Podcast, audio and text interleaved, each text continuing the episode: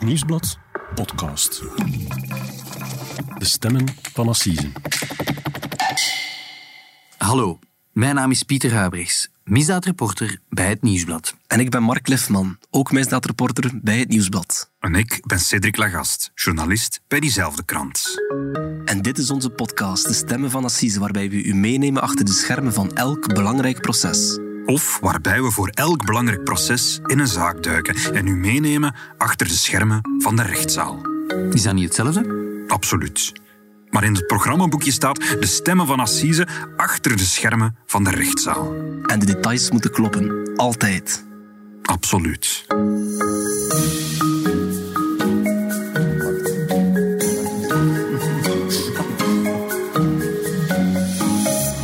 Goedenavond. Ze hebben zichzelf al aangekondigd en ik ga hen er maar meteen bij halen, want zij zijn de reden van jullie aanwezigheid hier. Voltallige aanwezigheid. Fantastisch publiek, nu al. Nieuwsblad misdaadreporters Cedric Lagast, Pieter Huibrechts en Mark Lifman. Geef hen een geweldig applaus.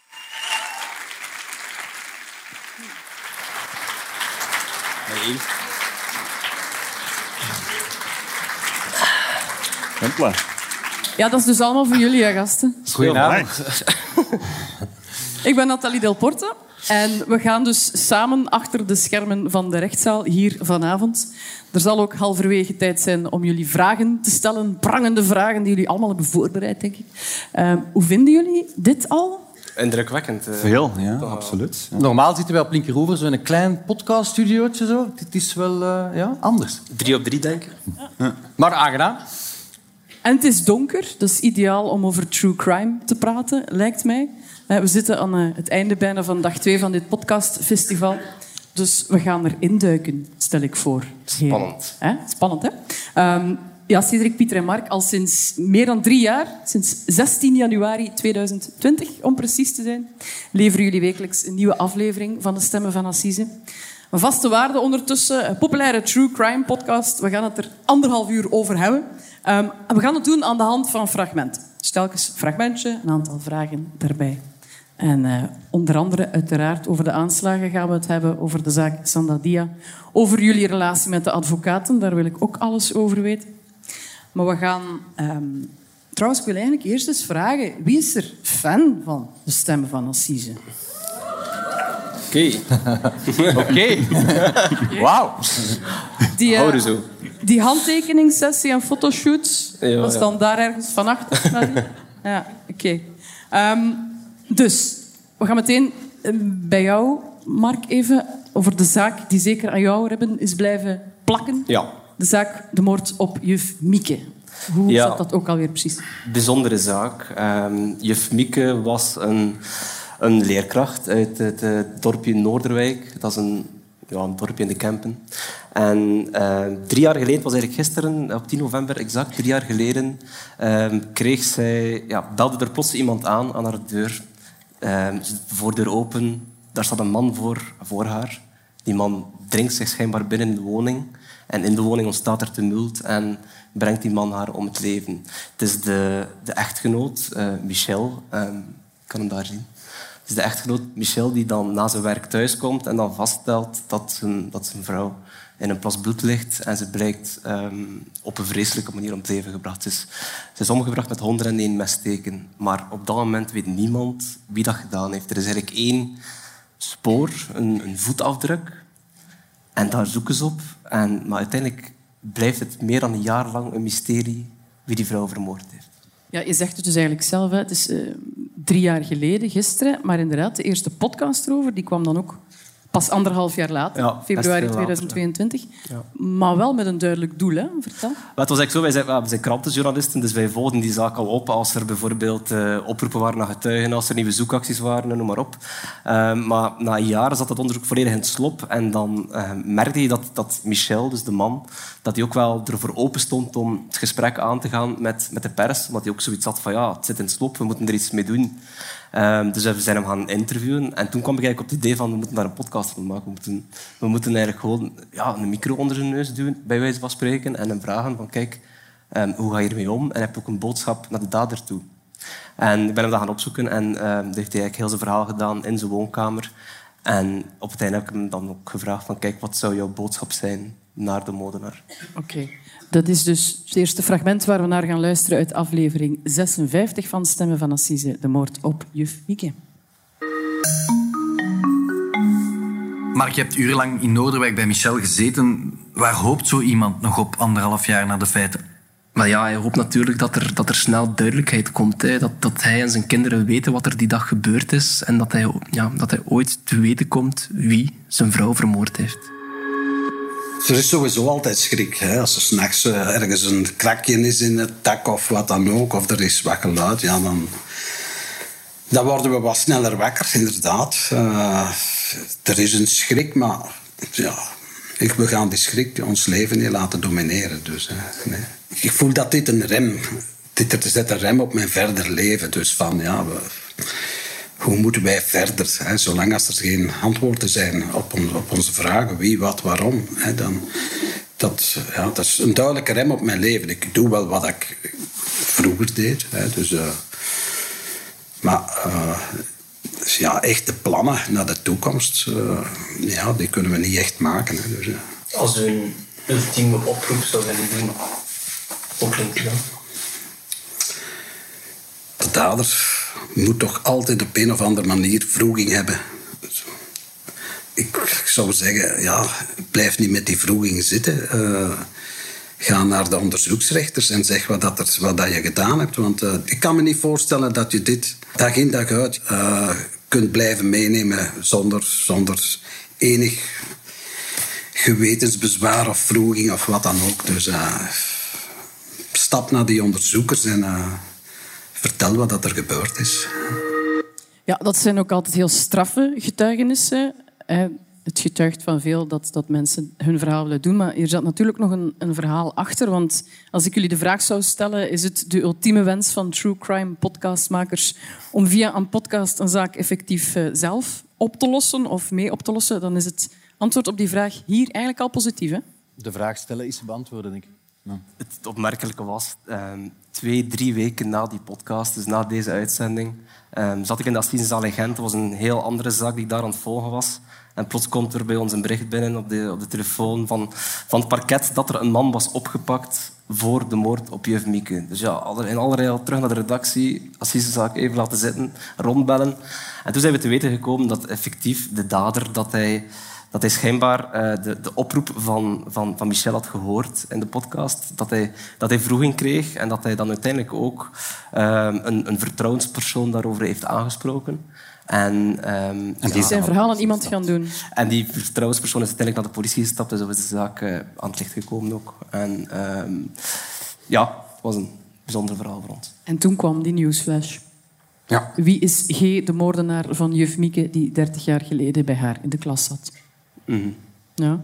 Um, hebben jullie al vaker een rol gespeeld in, in de evolutie van een zaak? Want dat is... Allee, je, vertelt dat hier zo vrij luchtig, maar ja, dat is toch wel veel waard. Hè? Zeker. Die mensen kunnen rustig slapen vanaf dat moment. Dat is toch wel dankzij die podcast geweest. Ja, het is natuurlijk ook, hij, heeft, hij heeft de oproep gehoord en hij, ik, ik, geloof zeker dat hij daar vroeging over gekregen heeft. Mogelijk hebben er ook nog andere zaken een rol gespeeld. Hè. Maar ja, het is alles... Hij, het is niet courant dat zoiets gebeurt natuurlijk. Dus, uh, het is voor ons de eerste keer geweest dat we daar uh, misschien een rol hebben gespeeld. Ja, het is wel de strafste apotheose van een, van een podcastaflevering ja, geweest. Ja. Ja. Zou je ooit hetzelfde effect kunnen bereiken met een artikel? Ik, ik, zou zeggen, ik ben geneigd van ja te zeggen, want eigenlijk wat er in een krant staat of wat er in een podcast gezegd wordt, dat is hetzelfde. Alleen ja, hier hoor je het hem wel zeggen. Je hoort wel de, de weduwnaar zelf het vertellen. Je hoort ook het is de stem die binnenkomt. Ja. we hebben daar ook een artikel aan gewijd natuurlijk in de krant, maar die gedrukte letters maakt niet dezelfde impact, denk ik, dan de, dan de podcast. Als je die podcast hoort, dan voel je ook echt wel wat het met hem doet. Dat zijn leven veranderd is, dat, dat zijn leven niet meer is zoals voorheen. Dus, uh... um, ja, je gaat dan zo'n weduwnaar interviewen. Jullie komen regelmatig in contact met familie en vrienden van slachtoffers. Dat lijkt mij toch allemaal niet zo evident. Nee, absoluut niet. En daar is ook geen draaiboek voor of zo. Dus ook niet zo... Ja, elke zaak is anders, elk mens is anders. Dus het is, het is, het is te zien hoe je daarmee omgaat. Allee, Evolueer je daarin? Er, er je moet altijd wel een soort drempel over. Hè? Er is wel een soort drempelfeest ja. van... Ik hanteer zo'n beetje de regel, je moet, je moet mensen heel voorzichtig benaderen. En je moet, je, je moet mensen vriendelijk een vraag stellen en ze hebben het recht om nee te antwoorden. Wie zijn wij? En het is altijd een vrijblijvende vraag. En, Ja, maar op het einde van de dag moet je in de spiegel durven kijken. Van, kijk, ik heb nu iets gevraagd aan iemand, dat is niet evident. Ik heb hem gevraagd om ja, zijn, zijn getuigenis te doen, zijn emotionele geladenheid op tafel te gooien. Heb ik dat op een correcte manier gedaan. En, en zolang als je het s'avonds in de spiegel kunt zeggen van oké, ik heb dat op een rustige, serene, waardevolle manier proberen te doen, dan is er geen probleem. ja, wij, wij doen dit werk nu 10, 15 jaar, denk ik. En je merkt dat, eigenlijk dat er veel mensen toch beslissen om te praten. Soms hebben ze ook zelf een boodschap. Willen ze zelf een portret van iemand kwijt? Willen ze, willen ze, of hebben ze een boodschap dat ze iets willen aankaarten? Ik heb bijvoorbeeld ehm, heel veel gesproken met Jasmijn. En Jasmijn is, eh, is, een, is, een, is een slachtoffer van de zogenoemde bodybuildermoord. Dus een Alexander Dien die had vier mensen vermoord, onder wie de, de dochter van Jasmijn en de, en de grootouders. Maar die vrouw wilde toen bij ons ook aankaarten. Er was sprake van stalking dat niet genoeg serieus werd genomen. Dus die had een echte boodschap dat ze in de krant kwijt wilde. Ehm, en dat contact blijft dan natuurlijk ook. En als dan een assiseproces komt, ehm, heb, je, heb gewoon een vertrouwensband met die persoon opgebouwd. En dat leidt er dan ook wel toe dat we bijvoorbeeld in die zaak tijdens het proces hebben ook een podcast opgenomen in de, recht, eh, in de rechtbank. Waarbij dan Jasmijn heel haar verhaal heeft gedaan ook. Dus Cedric, oh, hallo. Dus mijn micro opeten. Ehm, je hebt ook zo'n verhaal tot wat dat soort getuigenissen kan leiden. Ja, soms zou je kunnen denken van ja, je moet die drempel over, zoals dat Pieter zegt, van je, je, moet durven bellen naar die mensen of, of ze contacteren op welke manier ook. Met het idee van misschien willen die mensen dat wel niet, maar soms zijn er ook wel mensen die dat effectief wel willen, die, daar, die effectief wel willen getuigen. Want we hebben bijvoorbeeld aan, ooit eh, een podcast gehad over de kleine Ryan. Dat was een jongen die gestorven was en ehm, zijn ouders hebben dat gehoord en hebben achteraf, of toch zijn vader heeft dat gehoord en heeft achteraf ons gecontacteerd. Ehm, heeft gezegd dat hij naar de podcast geluisterd had, dat hij het ehm, een respectvolle podcast vond en dat hij eigenlijk zelf ook nog ehm, wou getuigen, dat hij zelf ook zijn verhaal wou doen, dat hij ook zelf wou vertellen wat hij met hem gedaan heeft, hoe dat hij daar nog alle dagen mee bezig was. En eigenlijk vooral omdat onze podcast stopt bij het proces. Het begint bij het overlijden, bij de moord. Het stopt bij het proces. Maar voor die mensen stopt dat daar niet. En hij wou heel graag vertellen wat er daarna nog allemaal ehm, eh, gebeurd is.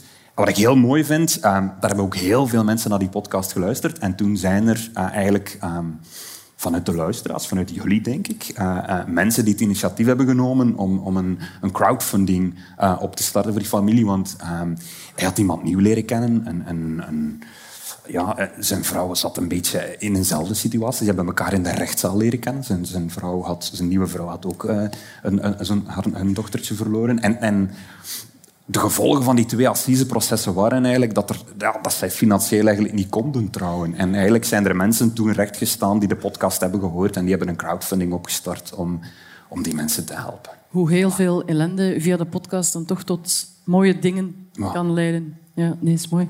Ehm, hoe, hoe pak je dat dan aan? Allee, ook daar zal waarschijnlijk geen handleiding voor zijn, maar om die mensen daar ook een goed gevoel aan te laten overhouden zelfs. Ik denk dat veel afhangt van, van de timing. Je moet een beetje een moment kiezen. Je moet zien dat je niet op een vervelend moment of te vroeg of te laat binnenkomt. En ehm, ja, ik weet het niet. heeft, met, ja, het heeft met veel vertrouwen te maken, denk ik. En, ja. Het is, er is niet echt een handleiding, vrees Nee, dat ik. zal Het is, wel. Eh, Nee. Ehm, Maar we hebben wel, het leidt ons wel naar het volgende fragment. Het eh, verhaal van Nathalie. Mark, aflevering 93. We gaan zo meteen naar een stukje luisteren. Misschien kan je dat heel eventjes kaderen. Ja, Nathalie, dat is eigenlijk ehm, een van de beklijvendste gesprekken dat ik ooit gehad heb. Ehm Nathalie is een zestal jaar geleden, zij was gaan joggen in Vilvoorde. En zij heeft daar de verkeerde man gekruist die haar tegen de grond heeft gewerkt en die haar ja, vreselijk misbruikt heeft. Ehm, ik denk dat wij daar, toen de feiten gebeurden, eh, dat waren ook al grote krantenartikels, je hebt er ook nog over geschreven. Ehm, en dan, na ja, twee jaar geleden, denk ik, zag ik dat haar zoon voor een eindwerk haar gaan interviewen was. Ehm, en op die manier heb ik eigenlijk contact gelegd via die zoon. En vroeg ik aan haar, van, ja, kunnen we niet eens in contact komen? Dan ben ik bij haar thuis geweest. En voordat ik het wist, had ik er eigenlijk uren mee te praten. Nog niet voor een interview, gewoon als kennismaking. En dan zijn we, ja, we afgesproken om daar een groot interview aan te wijden over haar verhaal. En later ook een podcast. En het is effectief een heel beklijvend fragment. We gaan er nu naar luisteren. Dan liefde daar. En dan besefte. Dan besefte van... nu, nu gaat de hel pas echt losbreken. En die heeft me dan recht getrokken en dan ben ik een heel eind mee moeten meegaan naar een andere plaats. En dat was eigenlijk nog erger dan dat slagen.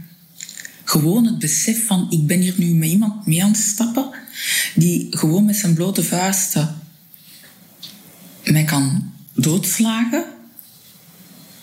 Ik weet niet naar waar, ik weet wel voor wat. Allee, dat kan ik nu wel mee inbeelden. Ehm, maar er is geen ontsnappende meer aan. En je kunt niet weg. En ik denk dat dat ook een deel is waarom dat ik het nu tot op vandaag nog altijd zo in dat trauma zit van ik moet op elk moment kunnen vrij zijn en gaan en staan waar dat ik wil.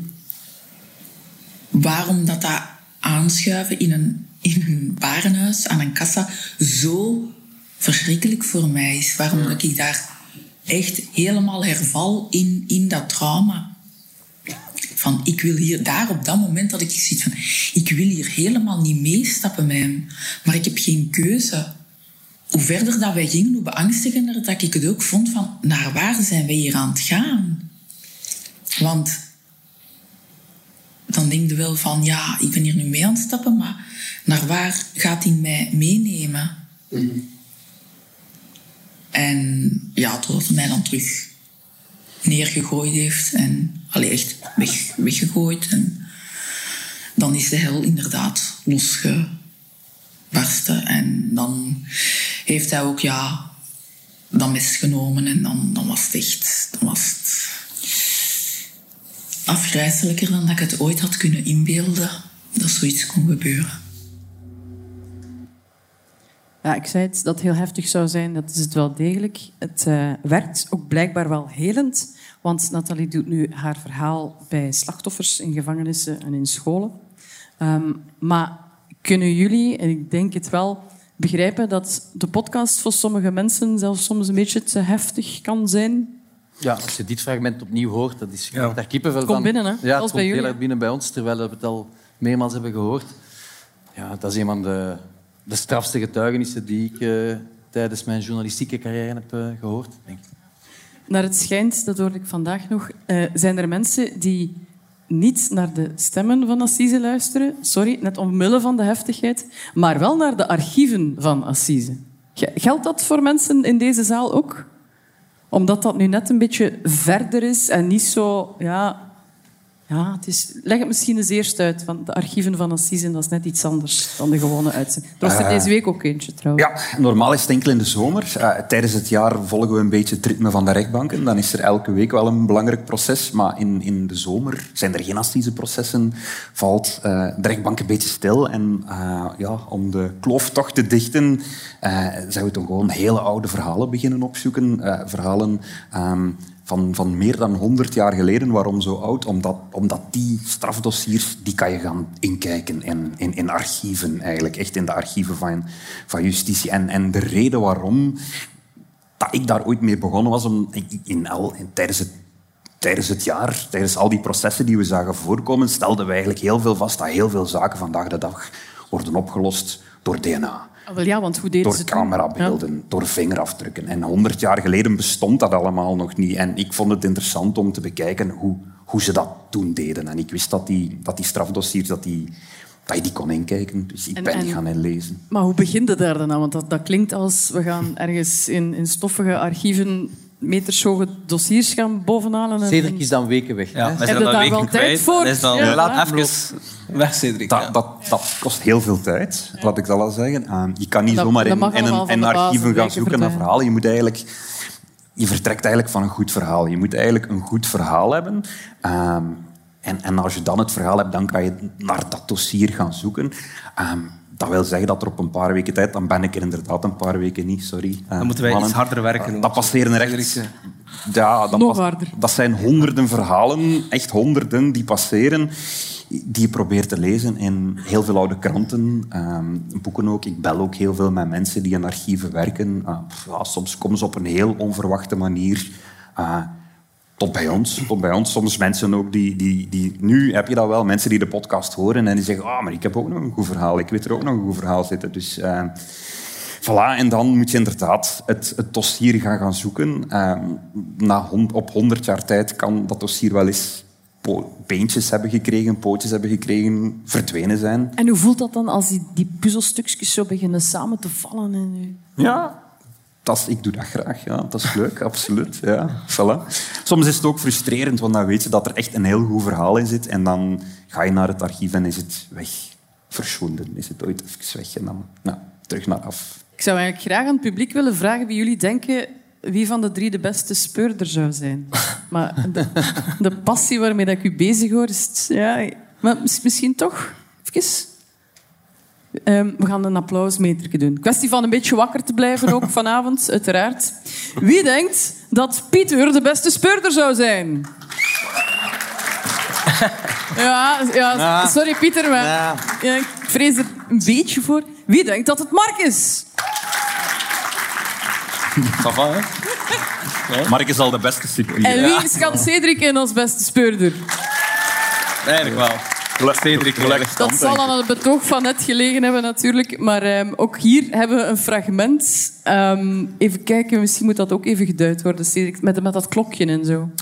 Het gaat over een moord uit 1907. Over een verhaal waarbij dat een vrouw dood in haar bed wordt aangetroffen thuis in Brussel. Dat is gek genoeg eh, iets dat heel vaak gebeurt in onze podcast. Vrouwen die dood in een bed worden aangetroffen. Dat is een dingetje, ik weet ook niet waarom. is een ding. Ehm, en zonder de clue van het verhaal te willen vertellen, voor wie nog niet geluisterd heeft, eigenlijk, er is een hoofdrol wegge- weggelegd voor een klokje. Namelijk, ehm, speurders hebben eigenlijk een hoofdverdachte. Is haar man. Ehm, maar het klokje, op het moment dat ze sterft, is ze op een klok gevallen, is de klok gestopt met tikken op kwart na acht s ochtends. Dus ze weten dat ze om kwart na acht s ochtends gestorven is. En die man was eigenlijk om 7.30 uur al, denk ik, s ochtends na zijn werk vertrokken. Dus hij heeft een alibi. Check. Kunt niet wat Cedric, ik begin steeds minder te geloven in de onschuld van die Felix Bivet. Maar anderzijds, de speurders zitten wel met een probleem, want de man was op zijn werk, zijn klanten bevestigen dat. Hij heeft een alibi. Ja, ik kan het niet gedaan hebben. En dat is ook het moment waarop dat onderzoeksrechter Armand Fromet zich toch eens heel nauwkeurig over dat klokje gaat buigen. Dat ene Ja. klokje is eigenlijk het alibi van Mhm. onze man. Want de wijzers van die klok die wijzen 8 uur 14 aan. En dat is het moment waarop ze moet gestorven zijn. Het moment waarop dat zij op de klok is gevallen. Ja. En hij was al om 7 uur 40 vertrokken. Dus dat geeft hem eigenlijk drie kwartier afstand van de moord eigenlijk. En op 4 januari, dat is acht dagen eh, nadat het lichaam van Celine Adresse gevonden is, moet Eugène Werle, dat is een 54-jarige horlogemaker die een winkel heeft op de Kleine Zavel in Brussel, hij moet tot bij de onderzoeksrechter komen en hij moet Fromes tot in detail uitleggen hoe dat zo'n klok werkt. Ah ja, echt een streepje CSI van 100 jaar oud. Ja, de onderzoeksrechter zelf wil helemaal begrijpen hoe zo'n klok werkt. En daarna roept die onderzoeksrechter twee professoren naar zijn kabinet in het Justitiepaleis. De 30-jarige professor Gaston Heu en de 33-jarige professor Joseph Mouton. Twee professoren in de mechanica. En zij krijgen van hem een opdracht. Zij moeten die klok onderzoeken. En dat levert eigenlijk een heel opvallend rapport op. En dat rapport wordt ook nog altijd bewaard, Bavo, in het Rijksarchief van Bergen. En het is daar dat ik het gevonden heb. En het is echt waar, het is een pareltje. Het is een 103 pagina's lang document, met de hand geschreven. Een onwaarschijnlijk gedetailleerde studie van één klok door twee professoren. Er staan tekeningen in, er staan tabellen in, vol berekeningen. Er wordt echt tot in detail elk centimeter van die klok wordt helemaal onder de loep genomen. Ik heb er een aantal foto's en en beelden van gemaakt. We zullen die op onze Instagram-pagina zetten. Kunnen mensen er ook van genieten.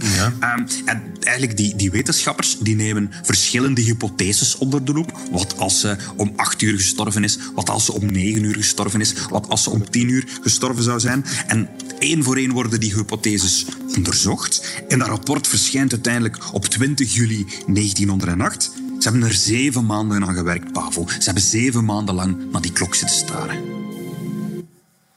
Ze hebben zeven maanden lang naar die klok zitten staren. Ja. Ik vond dat fantastisch. Dus...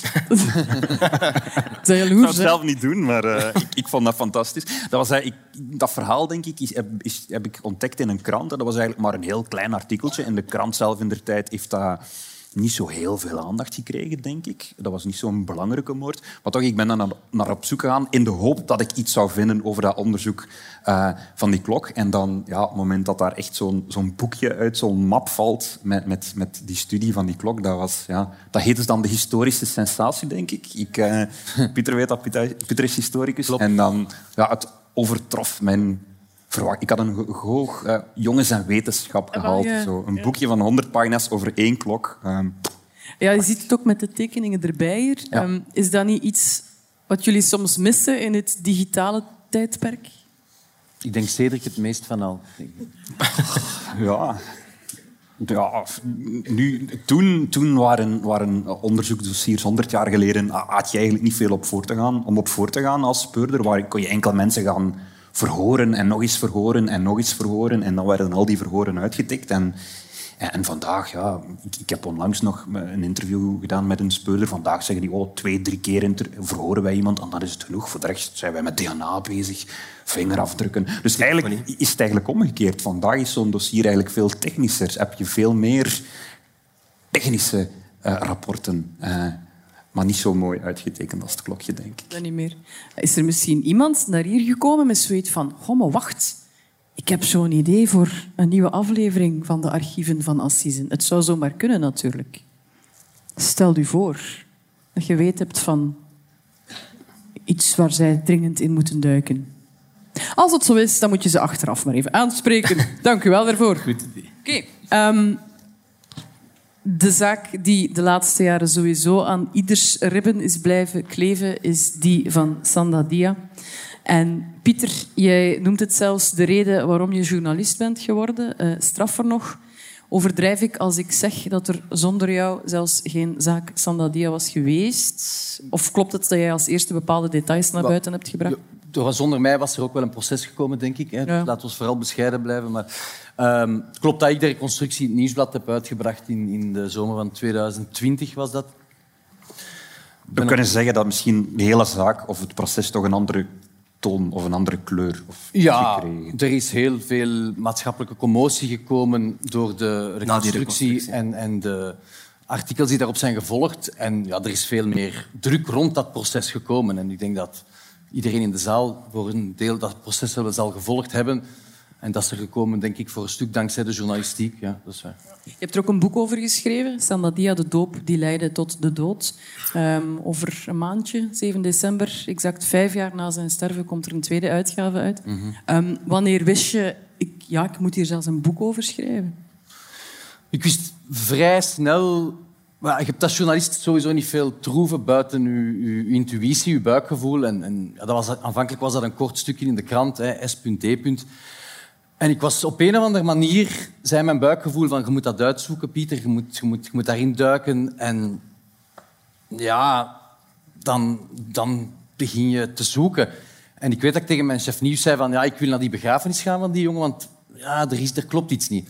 Bleef echt plakken bij jou? Ja, het bleef meteen plakken bij mij, want ik begreep niet van, hij is met een zwarte jongen, een, een, wit, een witte studentenclub en net die zwarte jongen sterft. Wat is daar gebeurd?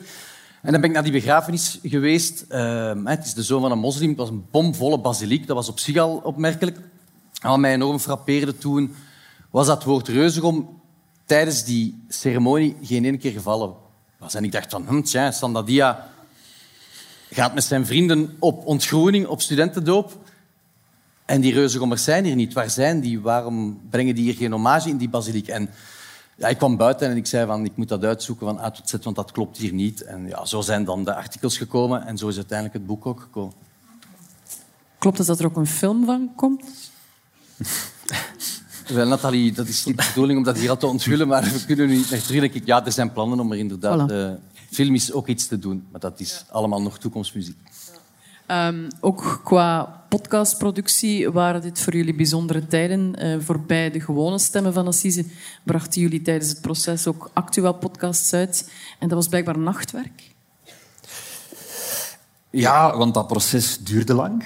Ehm, daarna, Pieter heeft dat proces gevolgd, dus daarna moest hij ook nog eh, zijn artikels voor de krant schrijven natuurlijk. Eh, dus, En elke rechtszaak duurt altijd uren langer dan Fantastische zaken ook. Ja, dat is ook een kenmerk. Dus daar moest hij, daarna kwam hij terug naar de redactie en het was toen vaak middernacht, denk ik, toen dat wij dan nog eens de podcaststudio moesten induiken om daar ook nog eens een, een podcast over te maken. Ja, en dan wordt het moeilijk om één fragment te kiezen, maar we gaan het uiteraard toch doen. Uit ehm, aflevering 91, Papa Papis Dia. Ik wil de reuzengommers recht in de ogen kijken. Maar het zwaarste moment, of het meest emotionele moment, was denk ik in Vorselaar. En dat hebben jullie eh, voor het laatst gehouden. Ja, en eh, na de passage in Leuven heb ik hem gevraagd. Zeg, kijk, eh papis, wil je nog naar Vorselaar? Want het is emotioneel beladen voor u. En hij wou er absoluut naartoe. En dus we zijn naar, naar Vorselaar gereden. Hè? Dat, is zo, dat is moeilijk moeilijk te vinden plek eigenlijk, hoewel die pal naast de autosnelweg ligt. Uh, maar Blokhut Cardon is eigenlijk relatief goed uh, verborgen.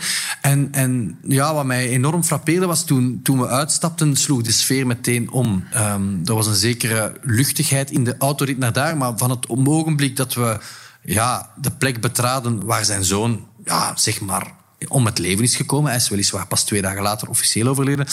Ja, dan, dan werd hij heel emotioneel. Het was zo'n mix van radeloosheid, frustratie, uh, ja, huilend ook, uh, kwaadheid. En hij wou eigenlijk met rust gelaten worden. Misschien kunnen we naar een aantal fragmenten even luisteren. Moi, j'ai, moi là, je suis avec mes vestes. J'ai froid. Il fait froid, hein? C'est humide. C'est, comment tu peux laisser quelqu'un dans, dans ces conditions Et tu dis était bien. Y a pas, tu peux pas expliquer ça. Je peux pas expliquer ça. Tu peux pas expliquer que tu amènes quelqu'un ici, un noir, en plein, euh, dans la forêt, dans cette humidité. Moi, j'ai froid là où je suis. À ce moment-là où je te parle, j'ai froid. C'est dur d'être ici. Hein? C'est très dur. C'est ici qu'ils ont pris la décision, mais vraiment trop tard. Hein? On est, on est d'accord d'aller à l'hôpital. Hein? C'est ici. Donc ils étaient tous ici? Ils n'ont même pas pris la décision. Ils savaient plus quoi faire. Ja, um, Pieter, het trouwkaartje heeft lang op jouw bureau gestaan. Je zei het net zelf, je bent naar de begrafenis geweest. Um, eigenlijk van een kortje in de krant tot, ja, tot het boek en alles daartussen. Kan je ook te diep in een verhaal geraken als journalist? In dit verhaal denk ik dat, het, uh, dat ik op de grens begon te komen van er te diep in te zitten. Ja, ik heb er denk ik uh, meer dan 50 artikels over geschreven. Hoe, ja, hoeveel podcasts hebben we er niet over gemaakt? Ik heb er een boek over geschreven en ja... Probeert natuurlijk altijd zo objectief mogelijk. Dat is onze kerntaak. We moeten dwars, wij mogen niet subjectief zijn, we moeten zo objectief mogelijk zijn. Maar ja, wat die familie allemaal heeft meegemaakt, hè, je hoort het in het fragment ook. Ik, ik, stond daar samen met hem op de plek waar zijn zoon gestorven is. Ik weet niet achteraf gezien of het journalistiek, ik ben er nog altijd niet uit, of dat wel een goed idee was. Hij wou die pelgrimstocht per se doen. Ik heb, hem, ik heb die familie natuurlijk goed leren kennen doorheen de jaren. En, en ja, ja, zo'n proces kleeft ook aan mijn riepen. Natuurlijk, blijft, op het einde van de dag ben ik ook maar een mens en je beleeft dat ten volle. En ja, die familie heeft wel heel veel meegemaakt de voorbije jaren. En dan wordt het soms intens. En zoals in Vorselaar, zoals je hoorde in het fragment, was dat uh, was zo'n moment... Ik val niet snel zonder woorden, maar daar stond ik echt van... Ik weet niet meer wat zeggen. En ik herinner mij heel goed die rit naar huis toen. Hij was heel spraakzaam op weg naar Vorselaar. En na de reportage dan, plots werd hij boos. Hij ging bidden in Blokhut Cardon en hij wou absoluut weg. En we, we, stappen in mijn wagen en we rijden weg en, en, en, de tranen rolden van zijn wangen. En ik zat echt in zo'n onheimelijke situatie van, ja, moet ik nu iets luchtig beginnen vertellen? Moet ik vooral moet ik de radio opzetten? En de conclusie was gewoon, Pieter, uw plaats is gewoon zwijgen en naar die autostrade rijden. En dat is pas gestopt op het moment dat hij zei van, kijk, ik wil dat hier in Edegem de afrit neemt. Ik wil even bij Sanda aan het graf uh, staan. Ja. Pakt je mee, hè? Nu, de, de, de eerste jaren volgde je enkel de familie en de vrienden van Sanda, maar dan komt dat proces, waar de reuzengommers dus ook verschijnen. Mm -hmm. um, heeft dat je visie op het proces veranderd? Ja, tuurlijk. Allee, voor alle duidelijkheid, ook in de jaren voor het proces. Ik, ik heb voor het boek ook een paar reuzengommers kunnen spreken, anoniem. Je probeert dat natuurlijk langs zoveel mogelijk kanten te zien, maar als je dan... Er is een proces geweest in Hasselt, nadien in Antwerpen. Als je die 18 reuzengommers ja, fysiek voor je ziet en je ziet ook hoe gebroken die op zo'n proces zijn, hoe, hoe opgejaagd wild zij ook wel geweest zijn, eh, zeker op sociale media. Ja, uiteraard op zo'n proces gaan, gaan, gaan alle emoties van links naar rechts. En je probeert als journalist probeer daar zo objectief mogelijk naar te kijken. En dan stel je vast dat dat ook, los van het feit wat ze gedaan hebben, ze hebben de stommiteit van hun leven begaan en daar zijn ze het allemaal over eens. Maar dat blijven natuurlijk ook jonge twintigers ja, die ook wel door heel die heisa enorm gepakt zijn, natuurlijk. Ja. Het, is, het is voor iedereen in, in die daarbij betrokken is een extreem beladen iets geweest. Absoluut. Ehm, voor ik mijn volgende vraag aan jullie stel, ga ik ze aan ons fantastisch publiek stellen. Hè, aan onze volksjury hier vanaf. Heel simpel. U mag uw arm in de lucht steken, mocht kiezen welke. Ehm, als u vindt dat de namen van de reuzengommers bekend hadden moeten gemaakt worden. En we gaan iemand met een microfoon laten rondlopen. Dus wie daar ook graag iets bij wil zeggen, die mag niet een arm terug in de lucht steken. Ah, iedereen wil luisteren en alleen luisteren. Nu moet je dat ook staan. hè. Ja. Ja, ik zie daar wel een... Ah, gaat het de mijne pakken of wat? Daar. Microfoon komt eraan. Iedereen nog wakker? Ja. Ja, het is natuurlijk materie waar ik ga echt wel geen moeite doen om daar humor tussen te gooien, want dat is moeilijk bij Stemmen van Assise. Het zijn gewichtige thema's, maar wel zeer benieuwd. Naar wie wij nu te horen. Misschien best even recht staan, dan kan iedereen u ook zien. Dat- ja, dat was niet afgesproken op Dat hoeft niet. Wat is uw naam? Eh, ik ben Kaat en Dag Kaat. eh, studeer nu zelf ook aan de hogeschool. Ik zit ehm, bij een vereniging, niet bij een club.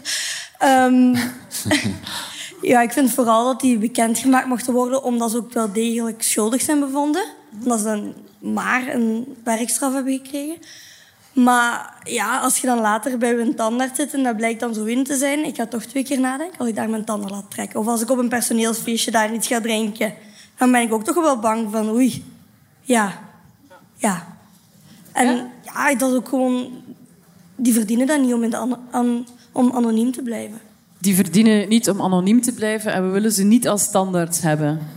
Dat lijkt mij vrij plausibel. Ja, ik, sorry, maar...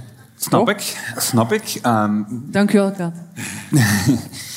ik snap dat. Dat is ook een heel debat dat wij ook gevoerd hebben, denk ik. Ehm, wij zijn niet... Allee, in andere verhalen hebben wij, onthullen wij wel namen. Wij gebruiken wel de namen normaal. Alleen in deze denk ik, het was een moeilijk geval ook. We hebben gewoon, wij zijn journalisten. Wij zijn in de eerste plaats journalisten, dan pas podcastmakers, zal ik maar zeggen. Ehm, en er zijn een aantal regels waar wij als, als journalisten deontologisch aan moeten houden. Ehm, we hebben daar lang over gesproken en het resultaat was daarvan ja, de reden het, het, de, de reden waarvoor zij vervolgd worden en de straf die zij riskeerden, daarvoor hebben wij ooit afgesproken dat we op dat moment die namen niet onthullen. Ehm, ja. Ja. ja, ik wil daar ook nog wel iets over zeggen. Voor, voor het proces kwam het natuurlijk ook journalistiek handig uit. Ze hadden allemaal nogal een grappige bijnaam. Hè? Dus dat is, ook in het boek is dat een handige manier om al die initialen en dergelijke te omzeilen. Maar ze moet weten, dat is een heilig principe ook eh, in Stemmen van Assise natuurlijk. Zet onschuldig tot het tegendeel is bewezen. Dan krijg ik de vraag ook heel vaak van, ja, maar na het proces moeten ze natuurlijk wel gewoon hè, brandmerken, want dat zwaar werkwoord viel dan tijdens het proces. Waarom hebben we dat niet gedaan? Ja, één, ze hebben geen celstraffen gekregen van drie jaar of dergelijke. Ze hadden een blanco strafblad bijna allemaal. De rechter houdt rekening met hun, jeugdig, hun jeugdige leeftijd. Plus, ja, daar pleit ik misschien ook mee schuldig aan, de hele commotie die er geweest is. Dus dat zijn allemaal factoren die maken van... Ze zijn op sociale media al duizenden keren geshamed en exposed, zoals dat dan heet. Ja, misschien moeten wij dan als, als, als, journalisten, als journalisten een klein beetje op de rem staan. Als je wilt weten wie die 18 reuzengommers zijn, dat weten we hier met z'n allen binnen de twee minuten. En dan moeten wij, vind ik, onze verantwoordelijkheid nemen. Plus, zoals Cedric daarnet zegt, ons gewoon ook aan bepaalde regels houden. En in deze denk ik dat we correct hebben gehandeld, maar ik stel vast dat heel veel mensen het fundamenteel oneens zijn met die En voor alle duidelijkheid, dat is ook niet... Dat is nu het standpunt dat, dat Pieter Ah, ja. vertelt. Dat was ook niet... Dat is ook na een lang debat zo gekomen. Het is ook niet dat wij vanaf dag één eh, zeiden van nee, eh, die namen, nee, we doen het niet, want daarom en daarom. Nee, dat is gewoon het resultaat van een, van een lang debat. Ja, en ik denk, dat misschien sinds de busramp in Serre, dat is al heel lang geleden, dat er wel... Er is veel meer voorzichtigheid in onze stiel geslopen ook. Dat wij, wij zijn veel rustiger met het benoemen van namen en mensen met foto exposen. Dat is... Dat is zo. Ehm, hebben ze hun straffen eigenlijk al uitgevoerd, die werkstraffen? Ah, voor, voor zover wij weten wel. Dus, eh, voor zij die het niet weten, ze hebben, dus een- ze hebben allemaal werkstraffen gekregen tussen de 200 en de 300 uur. Eh, en voor zover wij horen bij hun advocaten, zijn eh, ja, de merendeel van die werkstraffen zijn uitgevoerd, vlot verlopen. En heeft dat effect gehad? Ja, ik moet zeggen, na, na alle Begin ik al tante vragen te stellen. Na, na alle berichtgeving relatief weinig reuzengommers staan te springen om, om met ons uitgebreid aan tafel te gaan. Snap ik. Eh, dus die willen ook gewoon terug anoniem verder met hun leven. Die hebben hun werkstraf al dan niet al volledig uitgevoerd. En die willen ook aan hun professionele leven verder beginnen. In alle rust, ver van de schijnwerpers, denk ik. Hebben de reuzengommers een gepaste straf gekregen? Ik hoor hier en daar een voorzichtige nee. Hoe, hoe, hoe vinden jullie de, de uitspraak? Of hoe vonden jullie de uitspraak?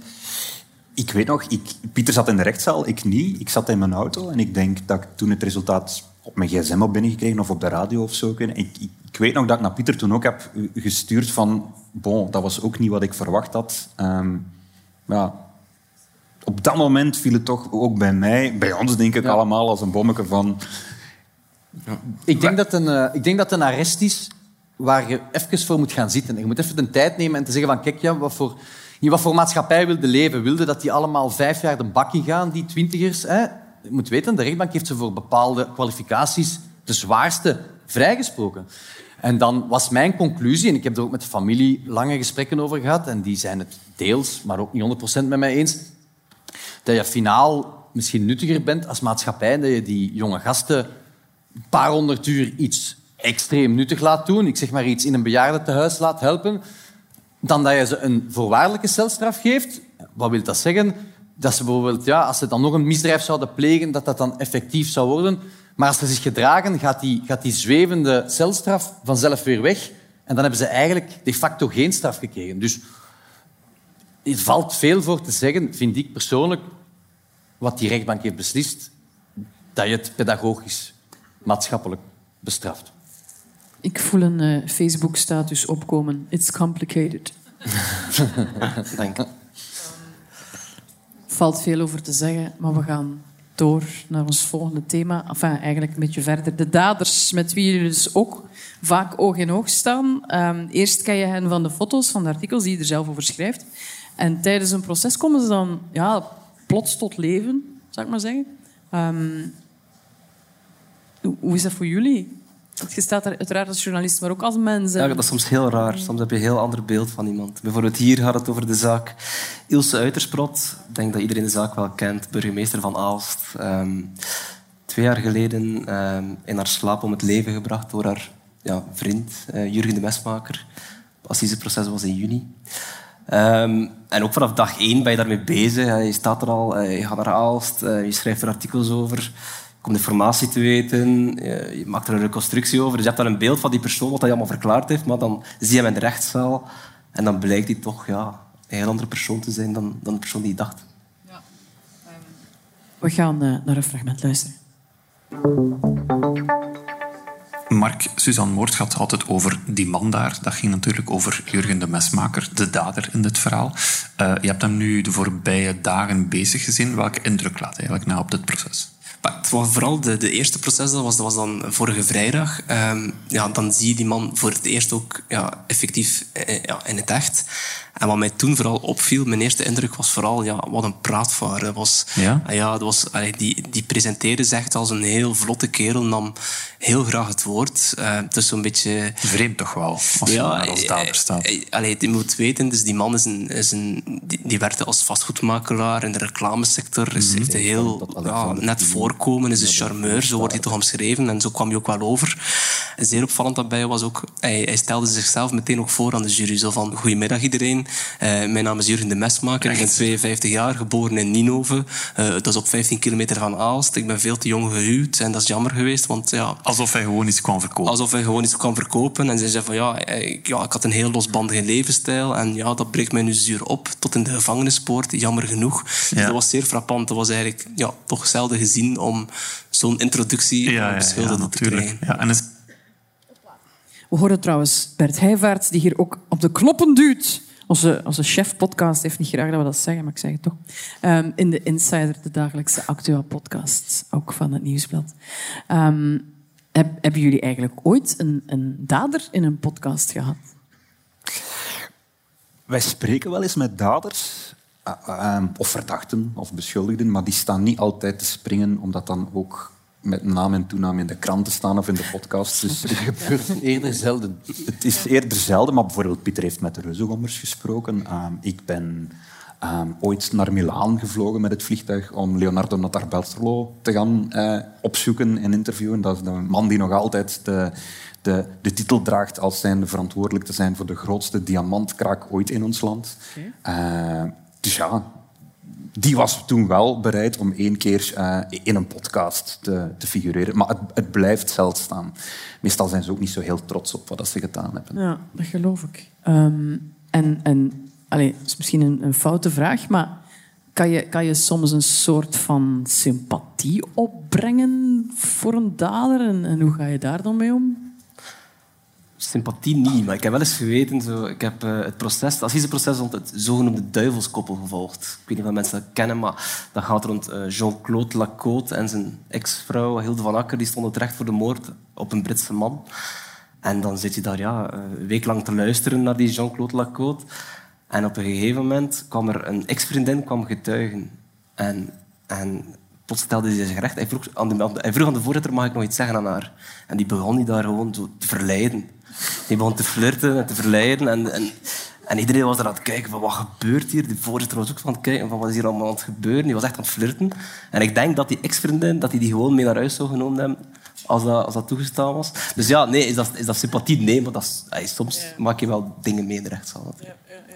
Ehm, en jullie zitten tijdens zo'n proces als journalist vaak op de eerste rij.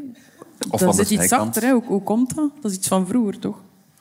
Ah, weet ik Ja, dat is een beetje historische groei, denk ik. Omdat de assiseprocessen publiek moeten zijn, denk ik dat ze eigenlijk vooraan dan plaats behouden hebben voor de, voor de journalisten om het volk te informeren. Eh, maar dat is wel een beetje onheimelijk soms, want dan zit je inderdaad op de eerste rij voor de slachtoffers, voor de nabestaanden, terwijl ja, volgens mij zouden de nabestaanden daar eerst moeten zitten. Dus dat is een beetje raar.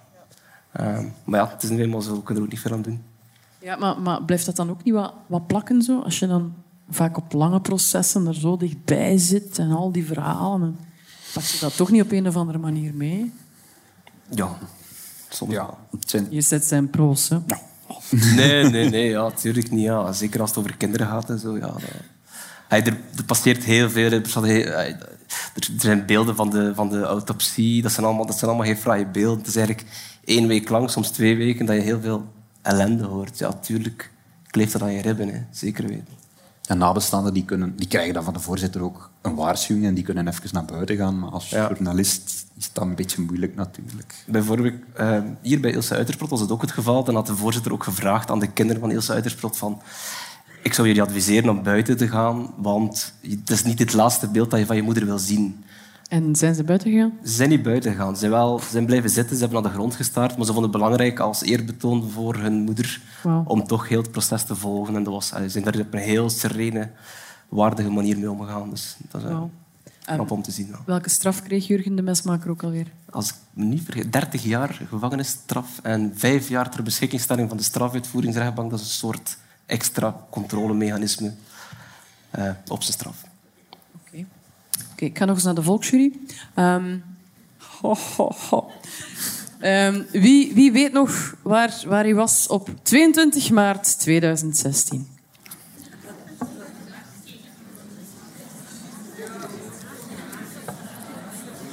Ja.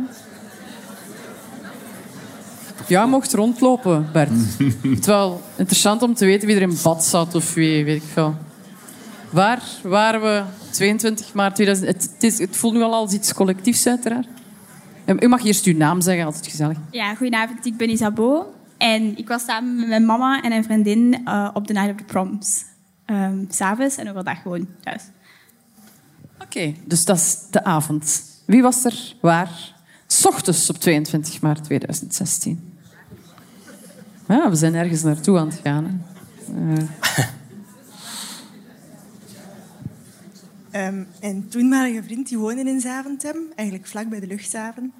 En ik herinner me dat ik s'morgens, dat was ja, een paar uur nadat het effectief gebeurd was, eh, naar mijn werk reed. En dat ik allemaal ambulances zag rijden en ik eigenlijk niet goed wist waarom. Totdat dan ja, daarna op de radio kwam. Uw toenmalige vriend werkte daar? Ah, die woonde daar, oké, sorry. Alright. Ja, het is dus duidelijk waarover we het hebben. Ehm, wij waren de kinderen naar school aan het brengen en, en, en mijn, mijn vrouw kreeg telefoon van een van haar zussen in paniek, want ze werkte op de Lost and Found op Zaventem. En als de derde bom wel was ontploft, dan hadden we het telefoontje niet gekregen. Maar dit, ja, dat zijn zo van die data. Iedereen weet het gewoon. Waar waren jullie?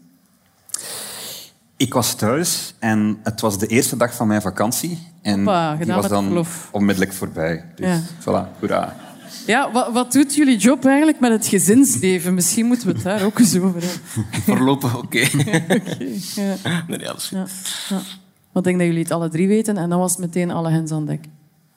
Ja, dat zijn de drukste dagen van het voorbije decennium, denk ik, hè, op, de, op de krant. Dat, ja, dat is... eh, De zotste periode uit ons leven ook wel?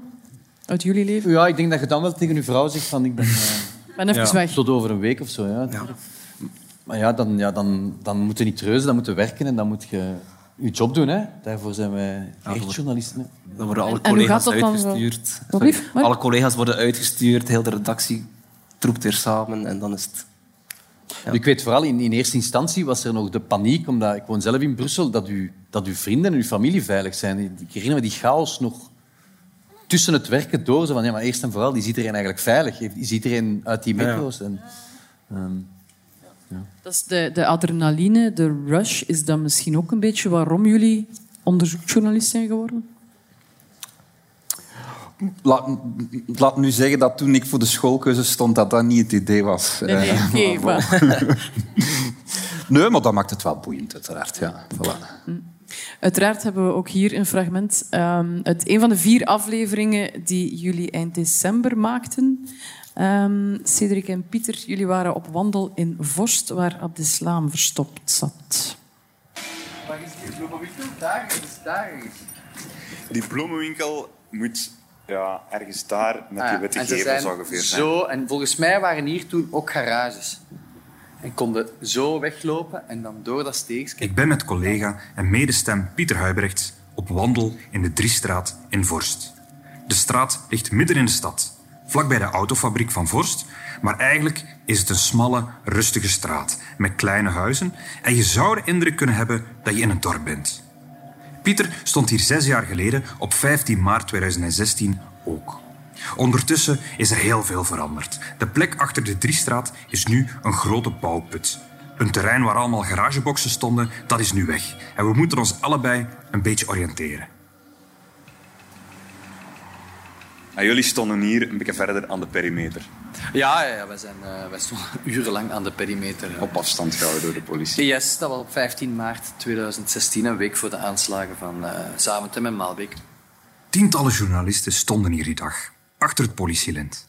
De reden dat de pers hier zo massaal ter plaatse komt, is een schietpartij. Een schietpartij op klaarlichte dag. Enkele uren eerder was een team van Franse en Belgische antiterreurspeuters op dit adres komen aankloppen. Al maanden zijn ze op zoek naar de terroristen die de aanslagen in Parijs hebben gepleegd. We zijn ondertussen vier maanden verder en de speurders zijn intussen tijd al op honderden adressen binnengevallen. Zonder succes. En eigenlijk denken ze dat dit appartement ook leeg staat, omdat de gas en elektriciteit is afgesloten. Het is een rustige buurt en niemand van de buren heeft eigenlijk ooit iets vreemds opgemerkt. Het team beukt de deur van het appartement op de eerste verdieping in met een stormram. En onmiddellijk worden ze beschoten met een Kalashnikov. Ze moeten hals over kop op de vlucht. Ja. ja, ik, wat ik mij eigenlijk ook afvraag, komt jullie veiligheid zelf ooit niet in gevaar? Niet echt. We hopen van niet. Nee. Ik heb één keer geweten, dan moest ik voor de aanslagen eh, in Parijs, moest ik meteen naar daar, naar de Bataclan, waar toen de aanslagen gebeurd waren. En toen op een gegeven moment er was een waak bezig en plots eh, ontstond er een massahysterie, er waren bommetjes afgestoken. Maar ik zat in de McDonald's mijn artikel te schrijven over de, over de dag.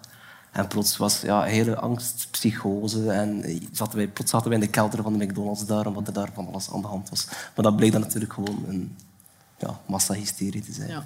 Ja. Echt veiligheid en gevaar. Dat voor Nee, ik herinner me wel zo'n scène. Onlangs was er dan de, de betreurde aanslag in Brussel hè, met de Abdesalem uh, Lassouet. En we waren dan aan het zoeken, want die, die schutter was op de vlucht. En uh, collega Lagast had op een bepaald moment het adres gevonden. Dachten we van de schutter in kwestie, on the loose. Dus Het was het verkeerde adres. het was het verkeerde adres, maar ik stond daar... Ja, Toch niet de beste speurder, mensen. Nee. En dan sta je daar om middernacht te bellen aan het adres van iemand die een paar uur voordien mensen heeft neergeschoten. En dan besef je wel van... Huibrechts, dat is hier geen goed idee. Oké. Dus Maar, van bizarre tijdlijnen gesproken, Pieter, hoe zat dat weer? Met een dag voor de aanslagen sprak jij met de vader? En... Ja, ehm, dus ook de dagen. Dus ja, we hebben het fragment gehoord van in de Driestraat. En dus die week voor die aanslagen was super hectisch al ook. Hè. Er gebeurde van alles en men was duidelijk op zoek naar voortvluchtige terroristen. Hè. En op een bepaald ogenblik was er een opsporingsbericht van ehm, Najim Lagraoui. Later zou dat een van de drie eh, bommenleggers blijken. En ik ben toen, de dag voor de aanslagen, zijn vader gaan spreken. In, in poging van, kijk, ja, iedereen is die mens aan het zoeken. Waarom zoeken we die eigenlijk? En ik herinner me nog dat ik in Schaarbeek bij, bij die vader stond. Je moet weten, die vader was zo radeloos dat hij zijn eigen zoon was gaan aangeven bij de, bij de politie. En dat gesprek kabbelde verder en, en hij zei, ik wil dat, eh, moet dat allemaal niet in de krant zetten. En, en ik gaf die een hand en ik zeg, kijk meneer, ik hoop dat uw zoon snel boven water komt. En dat was de 2-3 van onze krant, het verhaal van Lachraoui. En dag nadien blaast hij mee de luchthaven op. En dan denk je wel van, wow, oké, ehm, speciaal. Speciaal, inderdaad. Dat is ook het woord. Ehm, ja, nu, nu komt er eh, de, de, de spierenvraag. Is eh, journalistiek een vorm van topsport? Nee. Dat weet ik. Nee. Nee. Alleen maar stel, je bent op vakantie, hè? je bent dat, al eens hè. teruggeroepen. en, en ook als je niet teruggeroepen zou worden, ga je, ga je zelf terugkomen als, als zich rood nieuws voordoet. Maar ik denk dat er van afhangt waar je vakantie bent. Ja. en, hoe goed de sfeer met je vrouw is misschien op dat moment. Eh, Maar langs de andere kant, je wil, ja, je wil het Ja. ook niet missen natuurlijk. Hè. Je wil niet ergens in Daar- Ardennen in een huisje zitten of zo, terwijl al de rest interessante Maar om- dingen aan het doen zijn. Om een concreet voorbeeld te geven, afgelopen week was er nog de, nu is er de advocatenmoord. Heel veel aandacht naar. Vorige week bleek dat er een verdachte was opgepakt. Dat was denk ik op een woensdag. En Cedric en ik die waren er ook al twee niet aan het werk toevallig. Maar ja, dan, dan komt dat binnen en ben je ermee bezig. Gaat de laptop aan en ben je toch weer heel de. Ja, dus het stopt niet. Je, blijft ermee bezig. Maar gooit dat het persoonlijke leven niet regelmatig eens overhoop? Zijn ja, maar geldt dat niet in veel jobs? Ja, ja, dat is wel. Je wilt gewoon geen vragen over je persoonlijk leven. Ja, dat jawel. valt toch op, nee? Nee, het is goed. Ehm, ja, dus jullie maken veel specials. Er zijn, er zijn eh, archieven bijvoorbeeld, daar hoort veel spielerij, veel muziekjes. Even een, een podcast-nerdvraag. Ehm, bij de reguliere uitzendingen is dat niet zo. Bij Sir Morier bijvoorbeeld was dat ook zo. Ik weet niet of iemand Sir Morier gehoord heeft. Dat is een, aanrader. Maar. Ehm, anyway, maar er is een reden voor dat jullie daar die spielerij niet in gebruiken. Die, die stemmetjes zijn een beetje ja, toevallig gekomen eigenlijk. Dus tijdens het jaar door kunnen wij geluidsfragmenten gebruiken van televisie of kunnen wij mensen gaan interviewen. Natuurlijk, met dossiers van 100 jaar geleden gaat dat niet, want ze zijn dood allemaal. Oh. Voilà. En eigenlijk was, was de hele podcast al bijna klaar en dachten we, ja, we hebben nu geen geluidsfragmentjes. En toen hebben we gewoon op tijden nog gezegd van, ja, als we nu eens gewoon een paar van die fragmentjes laten inlezen. En we zaten op de redactie, hebben we gewoon wat willekeurige mensen van de redactievloer die niet zo heel hard aan het werken waren gevraagd van, kun je het even inspreken? Die zijn er. En, en dat bleek ja, goed te werken eigenlijk. Dus, Maar is eh, het ook niet dat jullie, dat, ju- dat jullie er heel hard willen over waken dat dat, Ja, we dat zouden wel dat eens niet serieus doen, we zouden dat niet doen bij een actuele, een actuele zaak. We proberen altijd heel erg hard op de, de, toon. op de toon te letten. We proberen respectvol te zijn naar alle partijen toe. En zo dicht mogelijk bij de feiten te blijven. Hè. We, we vertrekken altijd van de feiten. Maar bij die zaak van 100 jaar geleden is er natuurlijk een zekere afstand waarvoor dat we vinden dat dat wel kan. Wel kan, ja. Ehm, dan ehm, ben ik ook nog benieuwd naar eh, welke ehm, contacten jullie hebben en hoe nauw die zijn met de advocaten bijvoorbeeld, wie er allemaal in jullie telefoonboek zit. Dus Kunnen wij niks over kwijt. ja, alle, oh, dat wordt hier saai, zeg. Ehm, dus het, het, het werkveld. Hè. Jullie komen uiteraard veel in contact met bijvoorbeeld de advocaten. En met sommigen bouw je denk ik wel een bepaalde band op. We hebben een fragment uit aflevering 103. Een aflevering waarin Walter Dame en Sven Marie praten over het boek dat ze samen uitbrachten. Hoe lang is levenslang? Maar we moeten dat eerst even duiden, Pieter, want dat klinkt een beetje anders dan de rest. De kwaliteit van het geluid bedoel? Ja. Ja, ja, onze vriend, eh, chef podcast, Bert Rijwaard, zat toen vast in de file, waardoor we eh, ja, eh, Sorry, relatief amateuristisch eh, voor twee strafpleiters zaten. En we hebben er dan het beste van proberen te maken met een kartonnen doos en twee iPhones. En uiteindelijk is het min of meer goed gekomen. Het leven van een podcaster. We zijn nu, denk ik, eh, een maand na het arrest. Het, zijn, het is een woelige maand geweest. Eh, protestmarsen, eh, YouTuber ACID eh, en andere populistische demarches van Sami Medi en, en, en PvdA'ers op TikTok. Hoe kijken jullie daar nu naar? Als je daar nu op terugkijkt, we zijn nu een maand verder. Goh, ik moet u eerlijk zeggen dat ik daar in het begin zelfs van ontdaan was. Ik, ik kon dat moeilijk plaatsen. Er was een, een arrest. Je kunt kritiek hebben op een arrest, wat ik altijd kan begrijpen. Dat is ook ieder zijn vrijheid. Maar vooral de manier waarop niemand klaarblijkelijk het arrest had gelezen. De manier waarop dat men de magistraten plots aanviel. De manier waarop dat men op geen enkel nuance advocaten bedreigde, andere mensen bedreigde. Uh, het was compleet het hek los. Ik heb mij toen de bedenking gemaakt van eigenlijk al die bedreigingen die we krijgen, doodsbedreigingen, want eigenlijk waar haalt je dat het recht voor als je zelf mensen te bedreigen om commentaar te geven op een, op een arrest dat je zelfs niet hebt gelezen. In de politieke recuperatie, dat was, nou, dat vond ik heel laag. Ik heb eh, die TikTok-filmpjes gezien. Ik denk dat het van Jos Dazen was, van de PvdA, die er probeert een eh, kleine massa op te ruien, eh, zonder enige kennis. Ik heb uh, Assit, waar ik nog nooit van gehoord, zien zitten in zijn gamestoel, met recht verspelend en vindend dat hij toch wel het grote woord moest voeren. Ik, vond, dat ik was er heel erg door ontdaan. Asset. Daar zitten ze dan in hun kartonnen dozen. Ehm, maar ja, hoe is jullie relatie met al die advocaten? Hoe zou je, hoe zou je dat contact omschrijven? Want ja, jullie willen natuurlijk altijd zoveel mogelijk informatie. Zij gaan lossen wat ze willen lossen. Hoe, hoe werkt dat? Dat is een beetje een spel van geven en nemen, denk ik. Hè. De, allee, je probeert dat zo professioneel mogelijk te houden, natuurlijk. Hè. En in, in geen duizend jaar zouden dat vrienden van ons worden. Hè. Dat blijft... Dat zijn contacten. Hè. Dat zijn, daar zitten ongetwijfeld heel fijne mensen tussen, maar je moet een zekere afstand bewaren. En zeker die ervaren strafpleiters, Walter Damen en, en Sven Marie, waar dat we het over hadden, die weten ook wel hoe journalistiek werkt. En, en, en je probeert die contacten zo goed mogelijk te houden, zonder dat je voor hen dingen gaat doen waardoor je, wat ik in het begin, eh, als we hier zaten, zeiden van... Het einde van de dag moet je altijd in de spiegel kunnen kijken. Dus ja, dat is een, ja, dat is een soort wisselwerking. En je hebt elkaar ergens nodig, maar ergens ook niet. En, ja. Je moet zorgen dat de banden goed zijn. Dat is wel belangrijk, want ja, informatie waar wij over schrijven of podcasts over maken, moet natuurlijk wel van ergens komen. En hoe zorg je dat, dat jullie het eerst krijgen en bijvoorbeeld niet de vrienden van de standaard of zo? Eh, antwoorden jullie maar. We proberen toch meestal eerst te zijn. Ja, nee. Ja, dat is ook... Wij zijn toffers. Dat is ook soms geven en nemen. Bon. Ja. Ehm, en en is, hoe, hoe weet je zeker dat een info altijd klopt en te vertrouwen is? En... Dat weet je niet automatisch, dat weet je niet bij voorbaat. Maar dan Je hebt checken en check en dubbelcheck en probeer dingen te De verifiëren. kerntaak van, van een journalist. Hè. Dus. De, de eerste chef nieuws bij ons, op de, als wij op de, samen begonnen in 2009, denk ik, Cedric, die zei regel 1, vertrouw nooit strafrechtadvocaten. Ik heb dat altijd onthouden, omdat je zo weet van, ah ja, oké. we moeten- En wat met eh, info die ze jullie off the record geven? Ja, Dat gebeurt ook, ja. ja. ja dat blijft off the record. Een stomme vraag eigenlijk. Ja. Dat is tijd dat we gaan drinken, denk ik. Doorgaans Eh, leukste info. Maar ik heb nog een stomme vraag. O- ooit zwijggeld aangeboden gekregen om iets niet naar buiten te brengen? Of andere... Moeten jullie ontgoochelen? We zouden elkaar ook niet zeggen, denk ik. Nee, ja. Maar nee, nee. Absoluut niet. En soms zeggen ze ook niets. Ja, vervelend. Dat is Ja. lastig voor een journalist. Dat is lastig, ja. Dat is heel vervelend, ja.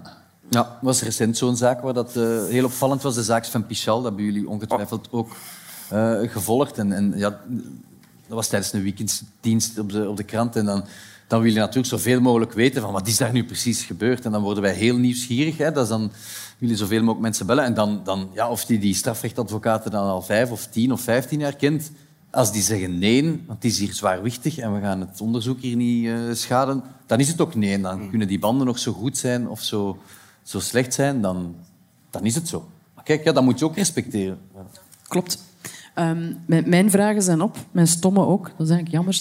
Ehm, dus ik ga naar ons fantastisch publiek nog eens kijken. We gaan jullie nog even de ruimte geven om een aantal vragen te stellen.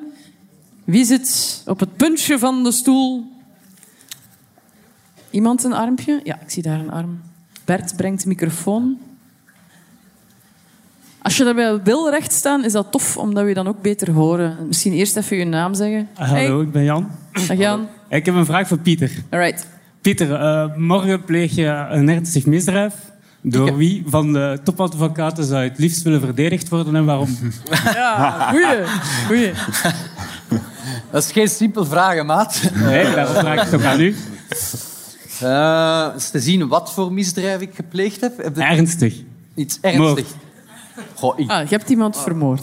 Ik kan ook onthullen dat het loon van een journalist tegenvalt. Dus een echte topleider eh, zal het niet worden. Ja, maar ik ga proberen te antwoorden op uw vraag. Ik, ik, ik- instinctief denk ik aan John Maas, Antwerpse strafpleiter. Zeer gedegen nestor van de Antwerpse balie. Ik denk dat je daar wel eh, ergens mee komt. Begrijpelijke keuze. Ja. Ja. Ja, geen slechte keuze. En, en jij, Mark? Het is te zien in, welk, in welke regio, hè, waar, ik, waar ik iets gedaan heb. Oh, dat mag niet meespelen. Dat mag niet meespelen. Een goede strafpleiter. Een beetje rond de pot antwoorden. Mark. Een advocaat is niet geografisch gebonden. hè? Nee, nee, nee. Ja, maar Nee, kijk. Dat is waar. Ik ga er nog even over nadenken als het goed is. Doe maar.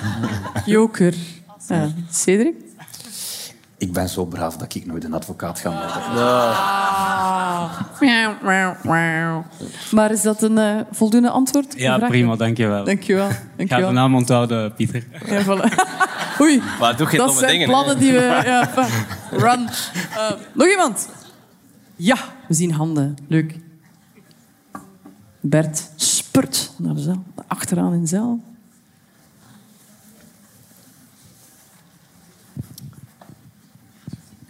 En wie nu recht staat, heet... Eh, ik ben Laurien. Dag Laurien. Ehm, en ik vroeg me eigenlijk af wat jullie gestudeerd hebben en hoe dat jullie eigenlijk in, eh, in de journalistiek eh, beland zijn. Ah. Wie bent? Ik heb politieke com- pol, stok gedaan, eigenlijk. Politieke communicatie, communicatiewetenschappen. Daarna wist ik niet goed wat ik moest doen met mijn leven. Dus ik heb toen een, een stage gedaan op een krant. eh, en dat beviel me. En ik ben blijven plakken, eigenlijk. Ja.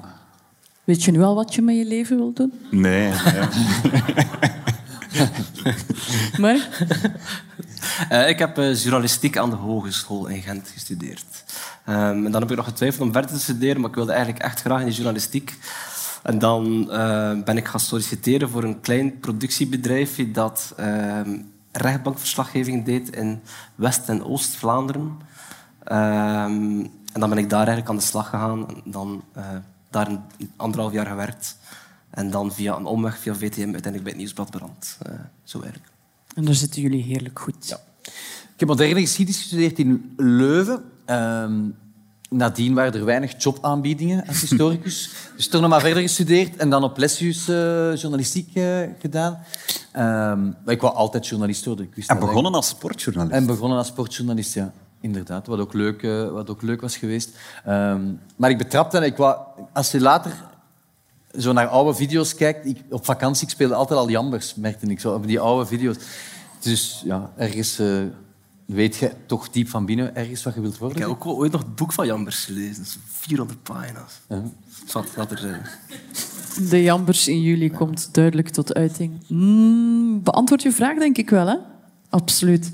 Daar nog een arm in de lucht. En wij hebben de eer met Alexander. Dag Alexander. Een vraagje. Ehm, ja, Pieter, we kennen elkaar. Ik herken u. Ja. Ehm, in Nederland zijn er al journalisten doodgeschoten en eh, politiebescherming krijgen ehm, omdat ze over gevaarlijke mensen schrijven. Hebben jullie die schrik ook soms? Wat? Mag ik daarop? Ja, doe maar. Ja, doe maar. Ik moet zeggen dat ehm, jaren nooit... eh, maar de voorbije jaren, of de laatste twee jaar, is er ook wel veel veranderd met, met, met heel die cocaïne-trafiek via de Antwerpse haven. En er zijn wel collega's van ons die al in een safehouse zijn beland, dus we kunnen daar heel stoer over doen op een podium, want nee, we hebben geen schrik en dergelijke. Maar We nemen dat wel serieus. ja, er zijn... Wat vroeger nooit gebeurde, er worden af en toe eens eh, artikels met door de redactie ondertekend. Dat zou vroeger nooit gebeuren. Nee. Ehm, dus, ja... Je moet toch ergens waakzaam zijn. In Nederland is er effectief iemand doodgeschoten in Amsterdam om 19.30 uur s'avonds. Ja. Oké, nog vragen?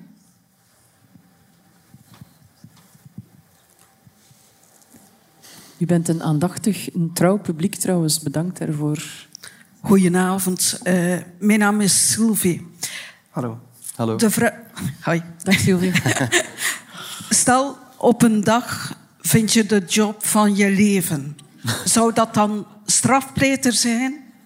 En zo ja, waarom? En zo nee, ook waarom?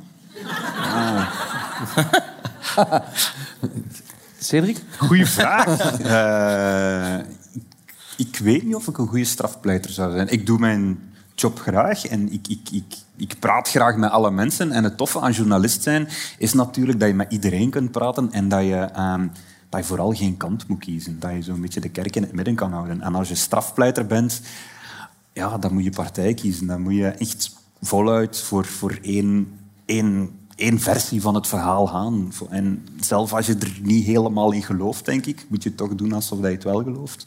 Ja.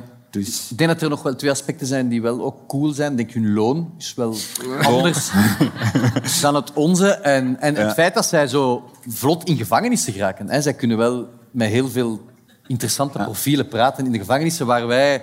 Wij krijgen hoogstens af en toe eens telefoon. Ja, maar wij hebben wel een collega die eens een week als cipier undercover in de gevangenis is geweest. Dus dat Mark, is geen vertel. argument. Ik, eh, voor een zomerreeks, eh, in de zomer maken we altijd een reeksen om de krant zeker goed gevuld te krijgen. En toen heb ik de kans gehad om eigenlijk... eh, ben ik een week lang undercover gegaan in de gevangenis van Beveren als cipier. Cool. Een opleiding gevolgd als cipier. En dan ja, hele week eh, echt meegedraaid, terwijl niemand eigenlijk wist eh, dat ik... Ja, dat Maar ja, je mocht niet met mensen gaan de praten gevangenisdirectie die was. Nee, ik heb vooral het werk gedaan. Hè. Dus, eh, Soep gaan ronddelen. ja, bekende moordenaars uit een cel halen. En zeggen van, kijk, het is nu tijd voor de wandeling. hup, meekomen. En dat doet wel iets mee. Als je dan plots oog in oog staat met een... Ik mag zijn naam niet noemen, dus ik weet dat dat heel vervelend is, maar dat is een beetje de afspraak.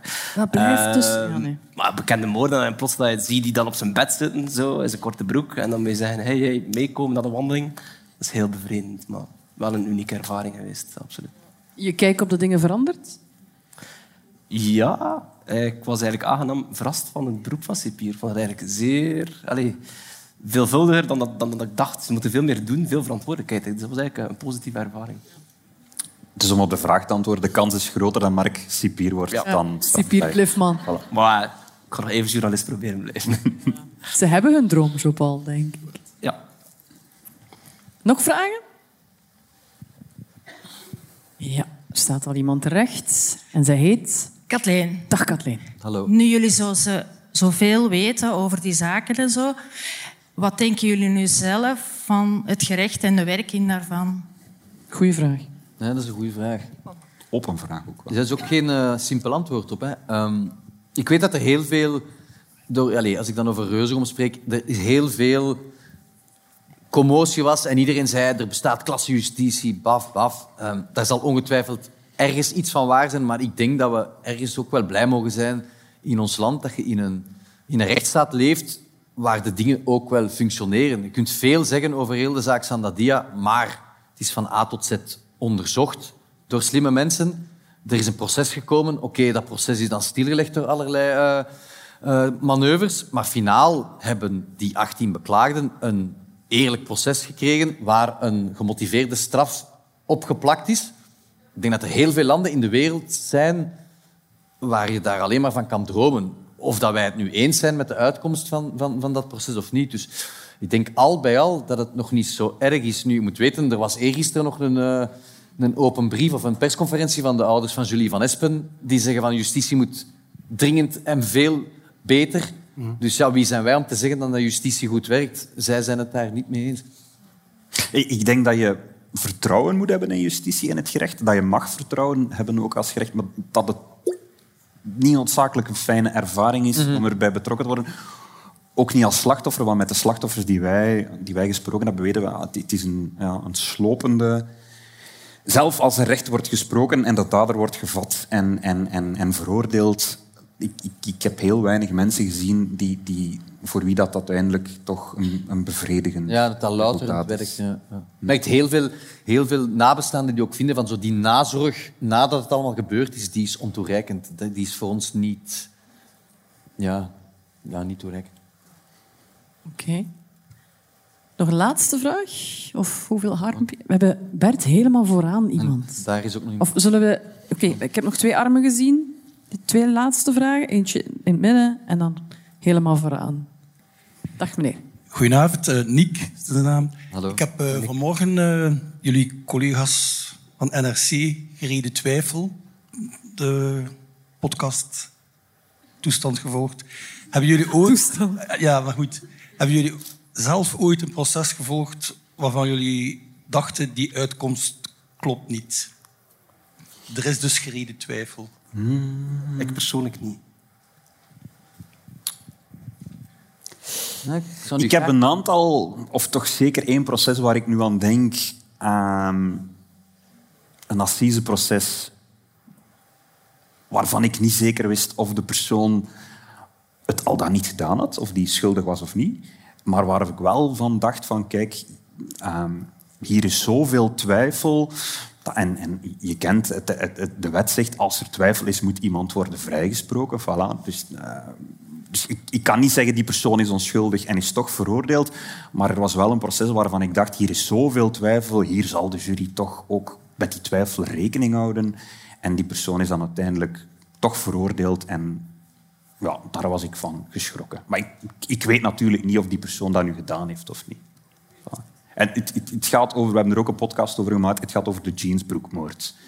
Dat is, voilà. Dat is was ook een zaak van heel lang geleden. Eh, heel ingewikkeld. Heel goede podcast, moet je eens luisteren.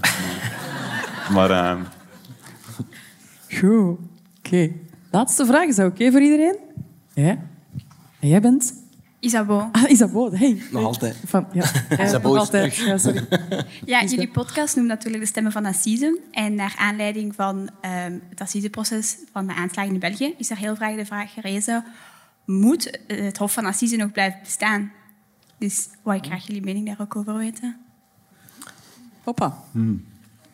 Maar ik denk dat het antwoord ja is als het niet wekenlang duurt, als het relatief beknopt kan. We hebben de voorbije weken twee assiseprocessen gezien, in Antwerpen en in Brugge, denk ik, waar een beschuldigde, of in Gent, een beschuldigde finaal de vrijspraak heeft bekomen. Ja. Dus- waar, het, waar het onderzoek helemaal opnieuw is gedaan en terecht is gebleken van ja, dit kan niet. Die moet worden vrijgesproken. Dus het bewijst toch nog altijd zijn nut. maar zou die persoon niet zijn vrijgesproken als het voor een strafrechter was? Dat is een goede vraag. Gaan we natuurlijk nooit weten, hè, maar... ja. Als, ik denk als je dat hier aan Jeff Vermassen zou vragen, dat hij zou zeggen daarvoor moet Assise voor altijd blijven bestaan. Ja. Drinken jullie pintjes? Doe me vraag. Ehm, mogen de mensen jullie aanspreken vanavond? Zeker. Als jullie tegenkomen? Ja, oké. Ehm, trouwens, nieuwe aflevering. Eh, wow, wacht, nog even reclame maken. Hè. Wa- wa- waarover gaat de volgende aflevering van Stemmen van Assise? Weten we dat al? Cedric? Ik denk, Bert eh, heeft daar de final say in, denk ik. Eh, die staat al online, hè? Eh, Nee, ja, van van volgende volgende week. week. Volgende week. Oh. Ah, dat stond ergens in de denk- mail, in de Ik denk dat er agenda. maandag aan beginnen. Ik denk dat we naar Leuven gaan. Hè? Ik denk dat er is een grote kans dat we naar Leuven gaan. Ja. Oké. Geef ze nog een warm applaus. En u zelf daarmee ook. Cedric Lagast, Pieter Huibrechts en Mark Lifman. Dank u wel. Dank je wel.